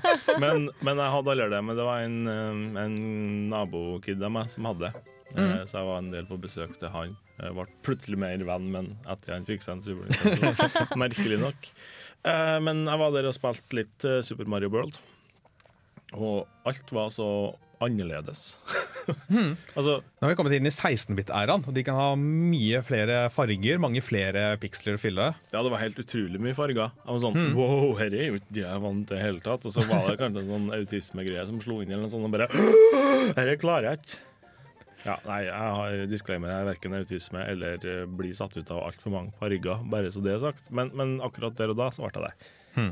Kanskje jeg har vi, vi går ikke noe mer på den Nei. tanken. Nei. Bare disclaimer, Anders har ikke autisme. Men det store tingen med Super Mario World er at de introduserte Yoshi. Passende med at eh, her har du biten som kommer når du rir på Yoshi. Og når du er på Yoshi, så kan du eh, spise ting. Du kan eh, stå Når du hopper på fiender, så bare knuser de og blir til ingenting. Men Du kan også visse fiender og pigger og sånn som du kan gå oppå med Yoshi. Mm. Og du kan, eh, hvis det er et hopp som du ikke greier, så kan du ta sats og oh, ta sats på Yoshi. Og hoppe vekk fra Yoshi. Yoshi detter i døden, du blir, lander på en plattform. han er en sånn eh, hva, skal man, hva, hva, hva skal man si om Yoshi, egentlig? Altså, han er jo dumsnill som få. altså, igjen det med Mario og dyremishandling. Just saying. Vel, nei. Men altså, det er jo Yoshi sitt eget valg. Han går jo i døden Mm. for Mario. Og det er jo tross alt Yoshi som du redder i løpet av spillet. Hver gang du tar en boss, så får du se en liten animasjon der Mario I hvert fall på versjonen jeg spilte, til Game of Advance, fikk du se Mario og Luigi ta ned slottet og redde et Yoshi-egg. Mm. Så dette spillet også har et sånn kart hvor det har bane bortover, og det er fylt med hemmeligheter. Det er masse sånn hemmelige utganger på forskjellige baner som låser opp nye veier du kan gå. Og det er veldig fiffig. Det minner meg om en ting vi ikke har snakka om ennå. Eh, hvordan hver bane blir avslutta i de tidligere spillene. Skal vi ta en kjapp oppsummering på det? Ja, du hopper i et eh, flagg i eh, Super Mario Bros. 1. Ja, I Super Mario Bros 2 så går du gjennom et ørneansikt Ja. som åpner seg, og så går du inn dit, og så får du en sånn liten minigame før du hopper videre til neste level. I Super Mario Bros. 3 så har du en sånn kort som bytter mellom forskjellige F.eks. For sopp eller stjerne og sånt. Og så når du hopper, så får du det kortet som er akkurat da. Hvis du får Mm. tre like, så får du en eh, premie. Ny, liv som regel. Og i Super Mario World så får du en animasjon av at du begynner å redde Yoshi, bare sånn. Nei, det er når du tar slottene. Kun når du tar slåene, ja. ja okay. Når du går ut av banen, så har du en sånn uh, Det er vanskelig å si hva det er. Det er sånn, sånn som man løper inn når man er sånn maraton, eksempel. Og du har en sånn En målstrek. Ja. Ja. Noe, noe sånn type. Mm. Ja, det var li- li- litt sånn fun fact eh, der, altså. Men eh, Super Mario World Jeg, jeg likte det veldig godt, selv om jeg syns det, er ganske vanskelig, kanskje. Det- Når du kommer videre utover i spillet. Den største forskjellen, eh, i tillegg til Yoshi, er jo ja, Flygeren fungerer jo på en litt annen måte enn du gjør i Super Mario 3. Ja, du kan fly eh, ja. Du flyr på en, altså Han har ikke vinger, han har en kappe nå. Mm. Eller han har ikke en hale, men han har fått en kappe i stedet. Eh, og så måten, måten blokkene fungerer på, det er jo litt interessant. At i stedet for at du slår dem sund, så spinner de rundt, sånn at du bare kan hoppe gjennom dem i en gitt periode. Hmm. Ja, masse sånne små detaljer som de har uh... Men, men altså, det endrer jo, det endrer jo spillet fundamentalt pga. at det åpner for veldig mange nye måter å lage baner på fra spill til spill. hele veien. Det er egentlig sånne ting som uh, du kan legge merke til etter hvert som du spiller uh, spillene. Det er på en måte det er nye sånn tekniske forbedringer som gjør at de kan ha nye ting. Og her så har de også mulighet for å Du kan klatre på gitter, blant Ja, annet. Det gjør de i slottene. Og så kan du slå fiender som er på andre siden av gitteret. Og du har store, virkelig store objekter som- tar hele skjermen, og som går ned og kanskje knuser deg hvis ikke du finner et uh, trygt sted å være i det den går ned. Så de har eh, sånne ting som de ikke kunne fått til på gamle Det hadde de i Super Mario 3 ja. De piggene som du møtte på i slottene, som gikk ned. Mm. Ja, men men det, den, der, var det, der var det bare sånn piggobjekter som gikk ned. Her er det hele, hele veggen som går ned. Ja. Så det har endra seg litt der. liksom såpass stor sprite. Det tar en del uh, krefter. Og spøkelsene ble vel mer fremtredende, pluss uh... Ja, her er det jo sånn spøkelseshus hvor du Uff, de, er- de er vanskelig å komme gjennom. Finne riktig vei, og så må du trykke på en bryter, og så ta den riktige døra, og så masse spøkelser. og Uff, nei. Ja, for, for spøkelseshusene er uh, Det vanlige Super Mario-brettene er jo veldig lineære. Altså du skal fra venstre til Mm. høyre, og så underveis så møter du på uh, ting du må komme deg videre med. Men, men spøkelseshusene, de er sånn uh, De er mer labyrinter. Ja. Og det gjør det det, det det gjør at spillet blir Altså det Hva var det egentlig jeg skulle si? Det, det ble veldig stor variasjon. Ja, det syns jeg er veldig godt. Det var det jeg skulle fram til. Mm. Det har man kanskje heller ikke fått til på forrige generasjon. Nja, ikke på samme måte, i hvert fall. Nei. Det var f.eks. sånn hidden eh, skjulte dører og sånn. Det var jo litt mer av i, i Mario World. Mm. Men uh, hvis vi da kan gå videre til Super Mario, Bro ja, Super Mario World 2, Yoshi's Island. Dette er et veldig spesielt spill. For det, det er på en måte Det er litt, litt sånn som Super Mario Bros 2. Det er på en måte ikke sånn mainstream Mario, selv om det i navnet er det. Mm. Det er basic, det har fått sin egen serie etterpå, med sånn eh, Yoshi-spill. New Yoshi's Island, eh, for eksempel. Og i, i disse spillene så spiller du eh, Baby-Mario, som driver og peker, og der, dermed styrer hvor Yoshi skal gå. Hva er forskjellen på Baby Mario og vanlig Mario? Er det bare at den ikke har en bart ennå? Ja, han har ikke en bart ennå. Sikker. Heldigvis. Nei, det vet jeg. Du har sett den i Mario Kart og sånn. Han har ikke en bart, men er det noe annet forskjeller på ham? Du styrer basically Yoshi. Ja. Og eh, fordi at eh, Yoshi ja, disse ungene har falt ned på Yoshi's Island, og så må de prøve å få ungene til riktig sted. Mm. Og Baby Bowser møter du også på her. Ikke Bowser junior, men Baby Bowser. Ja, ja.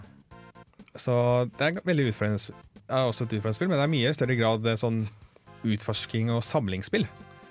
For det som var greia med det spillet her, var at under utvikling så hadde Rare kommet i gang og gitt ut sånn Donkey Kong Country og disse her. Veldig sånn banebrytende spill når det kommer til grafikken og sånt. Mm, mm. Så Nintendo følte virkelig presset for at oh shit, de får til det der. Vel, da er vi nødt til å step up the game og eh, tilby noe som også er imponerende. Så her har du gått for en grafisk stil som er håndtegna, omtrent. Sånn eh, med sånn krittfarger omtrent. ja, ja, det er det spillet, ja. Så det er veldig sånn søt look på det. Veldig sånn spesielt eh, å se på det spillet her. Hmm. Og du skal eh, frakte Mario til neste Yoshi, men på veien så skal du også samle masse ting. Det føler jeg også kanskje er litt sånn inspirasjon fra Donkey Kong Country-serien, der du skal samle på alt mulig shit. Her skal du blant annet samle på røde mynter, og du skal eh, samle på sånn blomster som du finner i løpet av banen også. Mm. Yoshi kan lage egg av fiendene som han spiser, og de eggene tar han og skyter. Så et spesielt spill, men det er også et av mine favorittspill, fordi det er så utrolig kreativt. Men eh, nå begynner vi kanskje å snakke oss litt bort der. Men eh, Nei, det er ikke at vi snakker oss bort. det er bare det at jeg tror det kunne du som har spilt Josh's World, så jeg har ikke mye å bidra med. Josh's Island Joshi's, eh, ja, nettopp. Point proven. Yes. Jeg tenker vi går videre til eh, neste konsoll. Og da har vi jo eh, It's a me, Super Mario. Hello! Fordi da, da har vi kommet til Jeg holdt på å si eh, Super Mario 64 var konsollen, men det heter Nintendo 64. Og der kunne du spille Super Mario 64. Det har jeg spilt! Og som har Hva er det som er så banebrytende med Super Mario 64? I Mario 64 kan du gå ut på en måte nesten som en open world-greie. Du kan gå på en måte hvor du vil. da. De forrige Super Mario-spillene de var 2D. Eh, ja, jo, de var 2D, Ja. selv om de prøvde seg litt på sånn kvasi 3D enkelte plasser med at man kunne hoppe innover og utover på banen og sånn. Ja. Men i 1964 så er det 360 grader no scope 3D. og det er kult. Groundbreaking! Groundbreaking. Nintendo fant basically opp hvordan du kan gjøre 3D-plattforming bra. De, eh, her så fikk du en Nintendo 64-kontrolleren, så hadde du en sånn analogstikke. Mm. Tidligere så hadde du bare hatt sånn styrekors, så du kunne gå høyre, ned, venstre, opp. eh, Liksom. Her kunne du gå i 360 grader vinkel. No scope 420. Ja, og du kunne justere kameraet og mye sånt. Og Nintendo Dette er altså nytt konsept for folk. At de hadde kameramannen som et konsept i spillet. Så liksom i introen så ser du kameramannen som på en måte er kamera i spillet. Du ser han eh, fly rundt og det er en lakitu som Ja. i stedet for å drive og kaste sånn eh, spiked eh, kupass og sånn på deg, får rundt og opererer et kamera i stedet. Mm. Dette har gitt masse fuel til den teorien om at alle Super Mario-spillene bare er på en måte skuespill. Ja, men det ser man òg i Super Mario 2 og Super Mario 3. Så starter jo alle spillet med et sceneteppe. Mm. Og Pluss at de casually spiller golf og sånne ting på fritida. Så Super Mario Bros 3 så har faktisk Miyamoto sagt at det er et skuespill. ja, ja men da er det det. Mm. Men Så- jo, Super Mario 64, hva er nytt bortsett fra at det er 3D? Det er veldig annen fil. På Mm. Det er mye sånn Det er ikke sånn gå fra gå til høyre og takle alle utfordringene. Det er at du skal eh, takle utfordringene, og du må finne ut hvordan du skal takle utfordringene, og utforske verden. Det er, eh, det er ikke lineært i det hele tatt, egentlig. Og det er ikke like mange baner på, på Super Mario 64 som det er Nei. i de andre spillene. Her er det, sånn, er det 15 baner, pluss noen bonusbaner, og så har du uh, flere stjerner som skal, skal, skal ta. Det er her stjernene kommer inn som et objekt du skal samle. Så da har du først ett oppdrag i den verden, og så går du inn i verden igjen, og da har du et nytt oppdrag som du skal fullføre. Så i hver verden kan du samle sju stjerner? Er det sånn? Jo, sju, ja. Ja, Ja. Pluss en stjerne når du samler 100 mynter. Ja, sta- Nei, nei, seks pluss myntene, så det blir sju Og ja, stjerner per level. jeg, jeg tenker på remaken til eh, DS. Ja. Der er det sju stjerner per. I tillegg så, så har du objectives rundt omkring Altså for at uh, Selve spillet dreier seg om at du går rundt i slottet til Princess Peach, som selvfølgelig har blitt kidnappa igjen, som hun alltid gjør. Det er liksom hennes MO hele veien. Og blir fanga. Men, men i, i, eh, i slottet så henger det haugevis av bilder opp på veggene. Ja. Og, og bildene er inngangen til de forskjellige levelene. Um, det, og der er uh, Hvert bilde du hopper inn i, det er en bane. Mm, Først må du samle tre stjerner på den første banen for å få lov til å unlock det dørene som krever tre stjerner. Og så videre og så videre så må du ha 70 stjerner sånn for å komme deg gjennom hele spillet. Mm. Det er jo òg den Marioen som kanskje er mest populær speedrun. Ja. Det må du sagt. Det er veldig mange glitcher som vi kan ta, som bare fucker helt, helt opp. De kan uh, ta og Du kan gå på en trapp og så ta masse sånn, en spesiell type hopp oppover den trappa, og så plutselig så har Mario veldig høy hastighet, og så kan han gå gjennom vegger og sånt. Og så bare No Clip 360. Ja, og, og uh, til sammen i spillet så er det 120 stjerner. Hvis Ja. du får til det, så får du unlocka kanoner utenfor slottet, og da møter du Yoshi for første gang. Ja. Eneste gang i hele spillet. Han, står på, han har stått på taket hele tida og har venta på Mario. Men altså, det jeg tenker når jeg har spilt det spillet, det er jo litt creepy til tider. Off, Det er litt ja. skummelt. Og så spesielt når du er i det slottet som er helt tomt. Det er på en måte ikke så mye dekorasjoner, for det var jo ja, Ja, bildene da, som du hopper i, men eh, Ja, annet enn det så er det liksom tepper og trapper. Nei, det står noen noe Toads rundt omkring. Gjør det. Ja, ja. Men det er ikke så, ja, de er ikke folk, dem. ja men det, er liksom en, det blir veldig tomt, da. Og så Mm. kommer det på en måte en, en ting som jeg husker spesielt godt. Det er en av de oppdragene der det er et sånt hus. ja, er det? det spøkelseshuset. Spøkelseshuset, ja. Og da går det inn i et rom, og der står det kun Og så kommer det lys inn gjennom vinduene. sant? Mm. Og så så eneste som står i, i det rommet der, det er et piano. Og da tenker jeg å, det var fint, her, her kan jeg ta meg en pause, sant? Ja. Da tenkte jeg kødd litt, da, hopp, prøve å hoppe opp på det pianoet. Sånn. Plutselig så får dere pianoet tenner! Ja, og så bare dun, dun, dun, dun. Og så det, og spriker det ut, sant? så springer det ut i gangen, og der faen meg et øye. Et gigantisk øyeeple. Uff, nei. eh, Ja, det gikk det Og det er infinite staircase, alt. Nei. Det er ikke det triveligste Mario-spillet, men det er Nei. heller ikke det siste spillet som kom i 3D.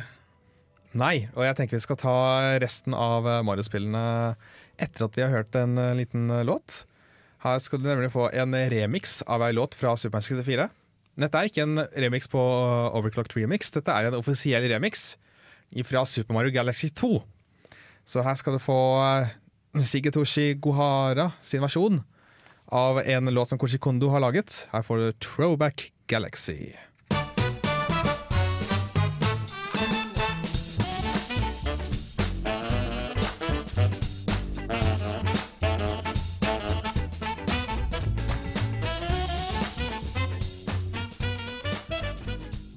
Jeg, bare, jeg, jeg bare digger den låta, altså.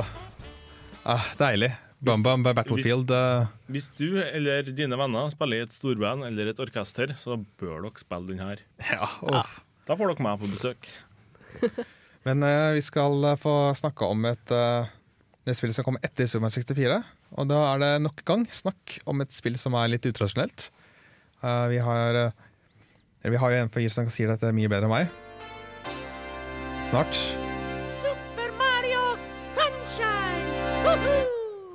Til eh, GameCube. Og eh, Åse Maren, du har spilt dette spillet.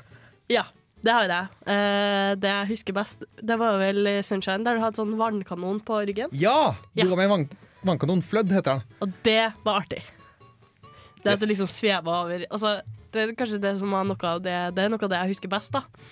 Fra det spillet. Det var veldig sånn sommer, sommerlig veldig Ja, sånn Sydenøy. Sydhavsøy, som du drar til. Ja, og så hadde du liksom at du kunne hoppe opp på bord og sånn, så var det båter som for omkring.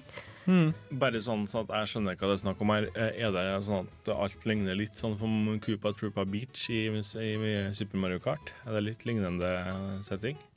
Nei, ikke egentlig. Det Nei. er en uh, ganske kupert uh, øy. OK. Som er en stor sånn vulkan i midten. Ah. Og den øya har form som en delfin. Det heter Delfino Island. OK. Så veldig sånn sommerstemning sånn overall, Ja. og det var veldig, veldig når, jeg, koselig, da. når jeg sitter i vintermørket og bare hater meg selv og mørket og sånt, så, så, så fyrer jeg opp uh, Super Sunshine, og så har jeg den flotte ferien. For hele spillet er jo en solstråle. Å ja! Derav navnet. Men kanskje noe Det som er litt artig, det, det er nevnt med det at uh, hun, Peach hun har noen unger. Nei, det er ikke noe artig med det der. For uh, i, eh, Super Mario, i Sunshine så skjer det nemlig at du får en uh, Princess Peach, og hun har blitt kidnappa. Selvfølgelig. Ikke av Eller Bowser ikke- her i gangen, men uh, Bowser, uh, når Bowser jr. Mm. Ja. Og da viser det seg at det er en liten cutscene der det kommer sånn At uh, uh, Bowser jr. sier noe sånt Ja, men, ja, men jeg, må, jeg må beskytte mora mi. Og så sier Princess Peach sånn Hæ, hvem er, er, hvem er mora di, da? Er det noe sånt? Og så er det Mother? I'm your mother? Nei, men det, det, som, det som sies, det er rett og slett uh, I'm your mama. Og så sier Bowser jr. Yeah, Papa told me all about it. Og det mener du er begrunnelsen for at Peach er mammaen til Dun, dun, dun. For i stedet for å si at Nei, jeg har aldri hatt sex med ei skilpadde, så sier jeg Å, så du er ungen til Bowser? Sant. Oi. Bam, bam, bam. Vel, de, de, vel, de må jo kjenne sin uh, audience, uh, de, de, Nintendo. Nei, jeg Folk tror som har liksom det- sex med skilpadder? Jeg føler meg truffet. Føler du nei, nei, men uh, Altså, jeg, jeg, jeg ser for meg at eh, Bowser er litt sånn som han um, Ice King i Adventure Time. Som bare fer rundt og kidnapper prinsesser for at han skal gifte seg med dem. Og så Ja. lager han seg sin egen narrativ om hva som har skjedd i etterkant, når de blir redda. Jeg tenker jo sånn altså, Det er så rart at Princess Peach hele tida blir Lars sjøl på en måte blir kidnappa av Bowser, er det ikke? Nå er det er viktig. de victim, blaming. Victim blaming. Det er sånn, nei, men jeg tenker meg at de har en eller annen sånn fetisj-greie nå, da. Sånn 'Å ja, Basil, kom og kidnappet meg'. Å, jeg skal komme og kidnappe deg. Så skal vi ha rå sex. Jeg har litt ikke undertøy på meg under den rosa kjolen min.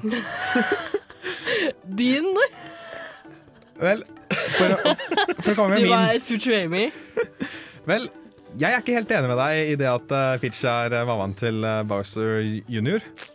Fordi at i slutten av spillet, spoiler alert, så ser du en liten scene der Bowser uh, jr. sier at uh, Og Bowser bare sitter et eller annet sted og ser ut i solnedgangen. Bare Bowser jr. spør er, er Peach Eller Bowser sier det er, sånn, det er noe jeg må fortelle deg. Så sier Bowser jr. at ja, ja, jeg vet det. Peach er ikke egentlig moren min. Og Bowser sier, og Bowser liksom Hæ? Oi, shit, du visste det? Liksom eh, Det var bare noe Bowser hadde sagt for å få sønnen hans til å kidnappe prinsesse Peach. Nei, men ærlig talt.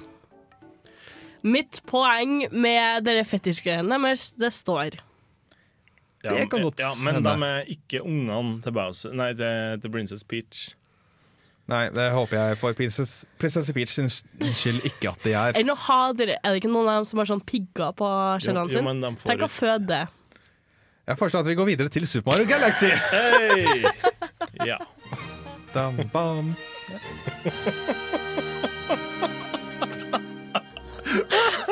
Ja, Jeg må slutte å synge i mikrofonen, men eh, Det er ikke jeg. Det er bare Ja. Super Mario Sunshine, folkens. ja. The implications. Vel, Super Mario Galaxy kom ut til Nintendo Wii. Og det er ganske spesielt Eller, nå sier jeg et spesielt spill om alle spillene i Mario-serien, men uh, Hva var det som var nytt med Super Mario Galaxy? jo, det er nemlig Super Mario in space! Dun. Som det er litt sånn spasa låt uh, med sånn type musikk her. Men uh, her kunne du gå på planeter. Og du kunne Veldig små planeter, riktignok. Og du kunne Det var, det var så episk feeling. Jeg vet at ordet episk blir overbrukt eh, på internett nå, men It's eh, epic, dude. yes. It's epic, dude. Dun, dun, dun. hvem her er det som har spilt Super Mario Galaxy? Jeg har sett på at noen har spilt det. Bitte litt. Og jeg har eh, fullført og tatt alle stjernene unntatt én. Nerd. Jeg, jeg, jeg begynte å lure på hvorfor jeg ikke fikk noen respons fra dere, men Nei, men så var det ikke i Super Mario Galaxy der du er på en sånn planet eller en bane, eller noe sånt, og så oppå, oppå en sånn fjellhylle eller noe sånt, så står det noe sånn eh, Sånn eh, Hva heter det spøkelsene i Mummitrollet? ja, det, det, står sånne med sånn Hattifnatta. Ja, sånn Ja. hattifnatt-lignende greier i For, det, skogen. for de tok jo introdusert en del nye sidekicks og nye fiender i Galaxy, gjorde de ikke? Vel, akkurat det som Åse snakka om, er mer en sånn liten ting som de gjør. Bare en Ah. bakgrunn til det. Ok. Men det er eh, veldig skummel bakgrunnsdetalj. Men, men hjelperen er annerledes. Det er ikke en, er ikke en Toad eller en Yoshi i Galaxy, er det det? nei, du får faktisk hjelp av eh, Rosalina, Ja. som har et uh, kometobservatorie. For litt av storyen er at Bowser har uh, også kommet til, uh, kommet til space, og derfor må du uh, returnere stjerne til romskipet til Rosalina, slik at hun kan frakte deg til Bowser. Men Rosalina er ikke den samme dama som i Donkey Kong fra 82. Det er Paulina. Paulina er det, ja. Er det søstera til Rosalina? Jeg tror ikke de er relatert. Nei, OK. Der har du en fanteori. Kanskje de er relatert. Subscribe to my. Tumblr, guys. Men hvis jeg skal demonstrere litt av hva som eh, denne episke feelingen, da. Bare hør. Dette er eh, det første Mario-spillet med orkestermusikk. Mm. Som eh, ekte instrumenter som er spilt inn. Og det ga veldig mye for spillopplevelsen, for min del. Du har disse flotte, pompøse musikken, men det har også sånn fin eh, sånn bakgrunns- og sånn space, sånn ettertenksom musikk også. Mm. Mm. Veldig, veldig stor variasjon i Galaxy-spillene. Veldig klassisk sånn sci-fi-musikk, da. Nei. Dere s- Syns du ikke det? Eller er det det? Altså Den vi hører på nå, syns jeg er veldig sånn klassisk sånn uh, 80-90-tallet. Så ville det minne meg litt om Star Trek, egentlig. Det, min, det minner meg litt om den utrolig dårlige Dungeons and Dragons-filmen fra 2003. Så har Jeremy Irons i seg, som Ja. de ikke kjente igjen i quizen forrige uke. Skuff. Ja, men, men altså, jeg, jeg får litt mer sånn fantasy-assosiasjoner til denne musikken her, da. Ja. enn enn In Space. Mm. Så nei, det, Super Mario Galaxy er et veldig stort eventyr. Jeg fikk, det er sannsynligvis det Mario-spillet med, stø, med størst eventyrfølelse. Og Det er på en måte det jeg eh, verdsetter med spillet. Men det er jo det som er greia med 3D-grafikk, er jo at du får et utrolig mye større område å utforske. Mm. Eh, Med en gang. Straks du kan bevege deg i så mange retninger, så, så er det så mye mer å utforske hele veien. Og så er det veldig, De utnytter kanskje veldig de 3D-greiene i Super Mario Galaxy òg. Med Ja. at ting roterer litt og sånn. Mm. Nei, det er veldig fin eh, Veldig fint eh, spill. Og bare ta litt raskt i re, re, resten av spillene. Bare nevne du har Super Mario Galaxy 2, Mm. hvor, de, hvor du fikk mer av det samme. Flere eh, ideer og sånt. Der fikk du også Yoshi. Faster, harder, better scooter. Ja. Ja. Uh, Super Mario Galaxy 2 uh, tok jo drift uh, nær. Nei, men altså, det var, det var Super Mario Galaxy skrudd opp til 11, liksom. Super Mario Galaxy 2. Nei, det var egentlig mer av det samme. Fortsett eh, litt den samme stilen, men litt mer sånn kreative påfunn. Ja, okay. Og så har du selvfølgelig hele New Super Mario Bros.-serien. Hvor de basically etter mange år uten et eneste 2D-Mario-spill, så fikk de en retur til den gamle formelen. Men det syns jeg er bra, for det er Mm. jo eh, Verden er jo stappfull av 3D-spill. Men hvor mange, hvor mange kvalitets 2D-spill er det som finnes igjen nå? Det er ikke så mange, det. Med indie-bølgen så er det en del, men uh... Jo, jo, men altså sånn av, av de store, store produsentene så lages det jo nesten ikke, ikke 2D-spill lenger. Ja, jeg merka det, for jeg, hadde jo et så, jeg har jo et sånt Mario-spill til 3DS-en min. Og det er Mm. liksom sånn 3D-plattforming. OK. Ja, det? Super Mario 3D Land. Ja. Og jeg tenkte, da savner jeg egentlig litt 2D-greier, for det er det jeg assosierer med Mario. Og Det syns jeg er artig. For det var, det var her jeg fant tilbake litt til Nintendo. Det var når jeg så at folk satt og spilte New Super Mario Brothers på, på Wii. Mm. Det var da jeg fikk en sånn Wow! Dette her eh, har jeg brukt altfor mange timer på. Her har jeg lyst til å bruke enda flere timer på. Mm, så du fikk på en måte den gamle Det var det som ga meg kicken til å fortsette og synes at uh, Ja. Det er indirekte pga. det her spillet at jeg kjøpte meg en Wii U i sommer. Mm. Spennende. Eller, så det var på en 2D-Mario som fikk deg tilbake igjen? Ja, stemmer. Mm. Fordi eh, det er en sånn stor forskjell egentlig der, med 2D-Mario og 3D-Mario. 3D-Mario er mye mer, pleier pleide å være mye mer ulineært. Prøve å finne løsningen, finne ut hvordan du skal få tak i stjernen. Mens i et gamle, klassisk 2D-Mario så skal du bare komme deg til høyre. Ja. Og så må du klare å komme deg til høyre. Det stemmer. du, ja. du har på en måte litt mer eh, i den eh, at du liker den kategorien. Og så kommer stjernene. Stjernene er jo med igjen i, i eh, New Super Mario Brothers. Å? Ja, altså du skal samle stjerner på hver level. Tre ah, ja. ja! Du har sånne samleobjekter. Ja. Det er en annen ting jeg tror gjør Super Mario-serien ganske Som er viktig for Super Mario-serien. da Det at du skal samle på ting. Mm. Fordi eh, ja, Nå kan vi gå litt over til å diskutere hva som er greia med Super Mario. Hvorfor er Super Mario så bra? Og jeg tror en stor del av det er at du har sånn variabel vanskelighetsgrad. Ikke i den forstand at du velger eh, å jeg er noob, eller jeg er middels, eller jeg er eh, hardcore. I stedet så kan du enten spille som en vanlig person, eller kanskje være litt sånn nybegynner. Bare kom, konsentrere deg om å komme i mål. Kan, men du kan ta til neste nivå. Prøve å samle ting. Mm. Prøve å finne alle hemmelighetene i nivået. I New Super Mario Bros. eh, til DS og disse her, så skal du samle disse disse coin eh, sånn, mynter, liksom. Sånn spesiell type mynter. Stjernemynter. Stjernemynter. Ja. Og det er tilsvarende på Super Mario World og Yoshi's Island og sånt. Mm. Da skal du samle spesielle objekter. Og jeg tror på at eh, mye av eh, gleden ved å spille Super Mario er at det, det kan være morsomt både for de som har nok med å streve å komme seg eh, fra venstre til høyre, men det er også noe for de som eh, allerede mestrer det er godt nok, og som eh, trenger å lete litt i hemmelighetene i eh, brettene. For det, det tenkte jeg litt på. Jeg satte meg ned og uh, mens jeg, Rett etter jeg fikk meg Super Mario Maker, så satte jeg meg ned og begynte å se litt på hvordan level-designene var i de gamle spillene. Uh, og og det, det som ofte skjer, da, det, det er en sånn form, formel her som den følger etter. Uh, det ene er at hver bane som har en ny gimmick, f.eks. dere blokkene som du spretter på, eller trampolinene og sånn, de introduserer dem veldig lett til å begynne med. Ja. Og så etter hvert så blir det sånn OK, greit, nå har du mestra, eller nå, nå, nå kan du basicsen med det nye verktøyet. Ja. Nå får du utfordringene med det. Og alle, nesten ikke alle, men en god del baner har, eh, er mulig å komme seg gjennom uten en eneste power-up.